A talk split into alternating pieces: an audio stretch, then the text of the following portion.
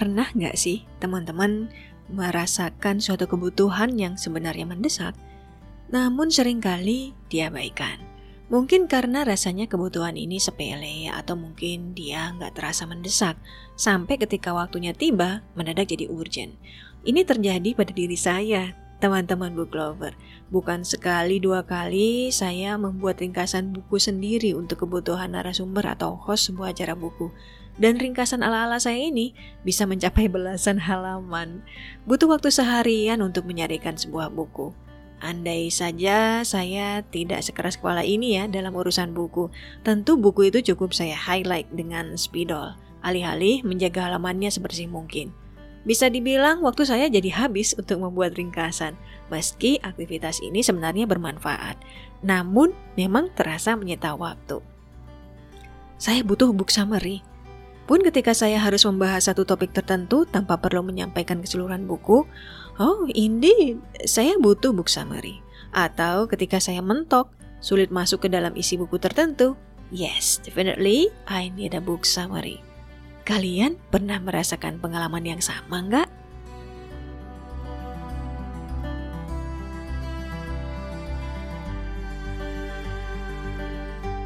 Halo teman-teman book lover, Kali ini saya pengen cerita santai ya, ngobrol-ngobrol dengan topik yang berbeda, bukan di segmen Book Insight, tapi lebih ke story of life barangkali ya. Dan kali ini saya pengen nyeritain gimana pertama kali saya berkenalan dengan yang namanya book summary. Khususnya book summary yang ada di Miss Buku.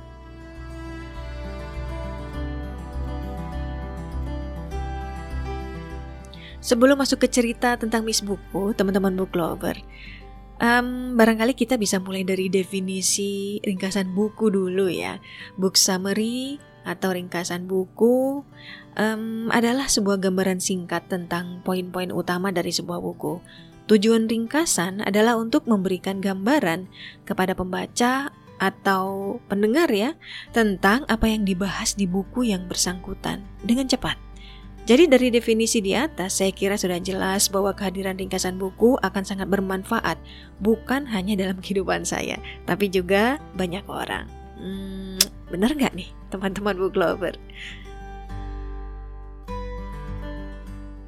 By the way, mari kita lihat lebih detail kegunaan ringkasan buku.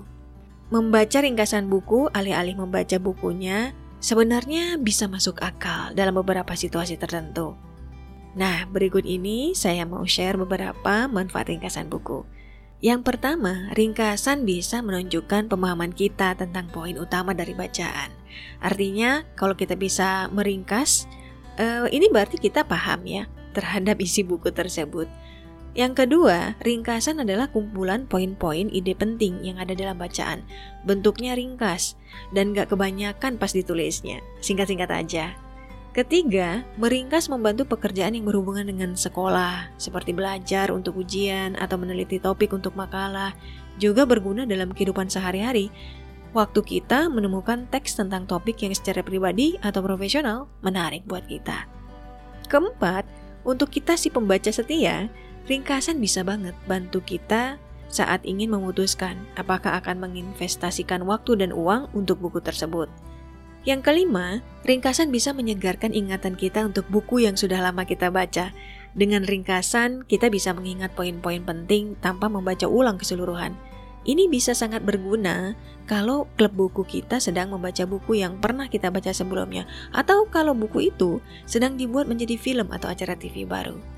Keenam, ringkasan juga bisa berfungsi sebagai pendamping untuk membaca buku lengkap, terutama kalau uh, agak padat dan rumit ya meningkatkan pengalaman membaca kita juga dengan analisis dan wawasan lebih lanjut.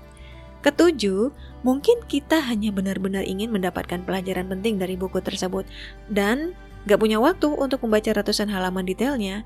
Nah, ringkasan bisa menyaring poin-poin utama menjadi 20-30 halaman saja. Dan mungkin suatu hari kita akan memutuskan untuk membaca seluruh buku ketika kita punya lebih banyak waktu. 8. Ringkasan buku membantu ketika kita perlu melakukan pemeriksaan cepat, sehingga bisa mengingat poin-poin utama dari sebuah buku yang kita pernah baca dengan benar. Setelah kita membaca beberapa ribu buku, ingatan kita tentu saja menjadi lebih kabur ya seiring dengan eh, berjalannya waktu. Yang kesembilan, ringkasan buku membantu ketika kita perlu memilih buku yang sebanding untuk dibaca dari pilihan buku serupa. Dalam hal ini, ulasan terperinci juga sangat membantu, terutama ketika kita mencari gaya penulisan tertentu. Dan yang terakhir 10, ringkasan buku membantu di saat kita perlu melakukan pemeriksaan cepat terhadap plot buku. Ini untuk kasus fiksi ya, atau topik utama buku untuk non-fiksi. Catatannya tentu saja kita perlu menyadari juga bahwa dalam hal ini ringkasan mungkin tidak berisi semua alur cerita untuk fiksi ya atau semua argumen utama untuk non-fiksi. Pertanyaan yang terlintas berikutnya, sesudah paham manfaat buku pastilah tentang di mana bisa dapetin ringkasan buku. Sejujurnya saya juga bertanya-tanya. Awalnya Tiap kali membutuhkan ringkasan, saya mencari informasi ini lewat mesin pencari teman-teman book lover. Dan sebagai hasilnya, sering kali saya terdampar di berbagai situs ringkasan buku yang beragam. Terlalu beragam hingga saya akhirnya bingung. Dan menyortir beberapa tulisan juga menghabiskan waktu kan ya. Tapi sekarang kegelisahan ini sudah usai karena saya menemukan satu sumber untuk ringkasan buku-buku bestseller kategori non-fiksi yang sering saya butuhkan di situasi-situasi yang sudah saya ceritakan. Coba deh teman-teman book lover cek www.missbuku.com. Untuk detail produknya um, saya jelasin sedikit ya di sini. Jadi Miss Buku ini, teman-teman book lover, adalah self-growth reader dan media sharing ringkasan buku non-fiksi di Indonesia. Visinya membangun literasi membaca buku non-fiksi dan mendorong pendidikan di Indonesia supaya jadi lebih baik. Nah saat ini, Miss Buku meluncurkan premium package 99 plus ringkasan dan audio buku bestseller non-fiksi luar biasa banget. Dan Miss Buku mendukung kenyamanan kelompok belajar bonbenan dengan 50% keuntungan dari premium package yang eh, teman-teman book lover beli. Ini akan disalurkan untuk pembangunan rumah belajar kelompok bonbenan.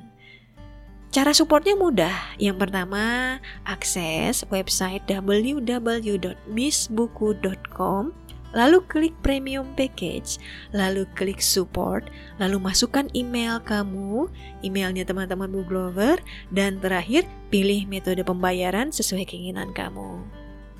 Ini kesempatan bagus ya buat kita untuk turut andil dalam charity sambil dapetin ringkasan buku yang full benefitnya buat diri kita.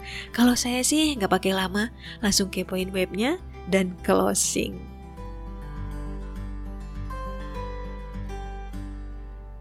Dapat ringkasan buku apa aja sih di paket premium? Barangkali banyak yang nanya-nanya ya, penasaran ya. Sayangnya kalau saya sebutkan semua di sini kayaknya kebanyakan deh. Jadi izinkan saya spill sedikit-sedikit aja biar teman-teman ada gambaran ya. Paket premium ini, teman-teman book lover, terdiri dari 12 kategori. Yang pertama, self-growth. Nah, di dalam kategori ini terdapat beberapa ringkasan buku, antara lain Why We Sleep, Who Moved My Cheese, Tiny Habits, Think Like a Monk, Think and Grow Rich, The Power of Now, Sapiens, Grit, Atomic Habit, dan lain-lain. Kategori 2, Productivity. Di dalamnya terdapat beberapa ringkasan buku. Antara lain Thinking Fast and Slow, The 5EM Club, Rework, Measure What Matters, Hyperfocus, Deep Work, dan lain-lain. Kategori 3, Negotiation, di dalamnya ada beberapa ringkasan buku antara lain Never Split the Difference, Influence, How to Talk with Anyone, dan lain-lain. Kategori keempat, Love, dan Family. Di dalamnya ada ringkasan buku antara lain nih Why Men Love Beaches, The Five Love Languages, How to Raise Successful People, dan lain-lain. Kategori kelima Leadership. Di dalamnya ada beberapa ringkasan buku bestseller semua antara lain Start with Why, Leadership, Leaders Eat Less, Dare to Lead, dan lain-lain. Kategori 6 Happiness dan Mental Health di dalamnya terdapat beberapa ringkasan buku antara lain The Monk Who Sold Ferrari, The Happiness Project, 12 Rules for Life, dan lain-lain. Kategori 7, Finance dan Investment. Di dalamnya ada beberapa ringkasan buku, antara lain The Psychology of Money, The Latte Factor, The Intelligent Investor, Rich Dad Poor Dad, dan lain-lain. Kategori 8 bisnis strategi. Di dalamnya ada ringkasan buku antara lain Zero to One, This is Marketing, Everyday Millionaire, Building a Story Brand, dan lain-lain. Kategori 9, ini buat yang suka biografi atau memoir. Di dalamnya ada beberapa ringkasan buku bestseller, antara lain Shoe Elon Musk, Educated, Becoming, dan lain-lain. Kategori 10, bonus time box template. Nah ini menarik banget teman-teman book lover. Ini isinya halaman to-do list begitulah. To-do list dan priorities. Cakep banget desainnya, bisa kita print dan pakai buat sehari-hari. Lalu di kategori 10 ada bonus short insight. Di dalamnya terdapat beberapa short insight dari buku-buku antara lain Zero Waste, TE Detox, Lean In, dan lain-lain. Dan kategori terakhir, bonus review buku. Ini isinya spesial review buku um, Perawan Remaja dalam Cengkraman Militer karya Pramudia Anantatur. Nah, jadi yuk buruan yuk order paket premium mumpung lagi penawaran khusus. Teman-teman melipir juga ya ke webnya Miss Buku karena di sana ada info kolaborasi dengan Miss Buku loh. Terus ada menu gratis ringkasan buku minggu ke-28. Ini kayaknya akan terus berubah-ubah ya mengikuti minggunya. Kalau saat ini menu gratis ringkasan buku minggu ke-28 ini isinya ringkasan Out of the Maze dan I Am Malala. Ada juga di sini menu join Miss Book Book Club. Wah, ternyata ada klub bukunya nih, gabung di Telegram teman-teman book lover. Dan terakhir, ada lowongan volunteer Miss Buku yang nanti bisa jadi senior Miss Bukunya. Wah, menarik banget pokoknya. Ringkasan buku tentunya nggak bisa menggantikan buku yang bersangkutan. Karena kita hanya akan memahami detail kalau kita membaca bukunya, bukan ringkasannya saja. Tapi sekali lagi, ringkasan buku memiliki banyak manfaat yang bisa mendukung aktivitas membaca kita. Bagi saya, membaca buku bukan hanya sekadar hobi, namun bagian dari proses belajar dan bertumbuh. Hingga tepat kiranya untuk saya menyiapkan perangkat-perangkat pendukung aktivitas ini. Salah satunya dengan mengakses bis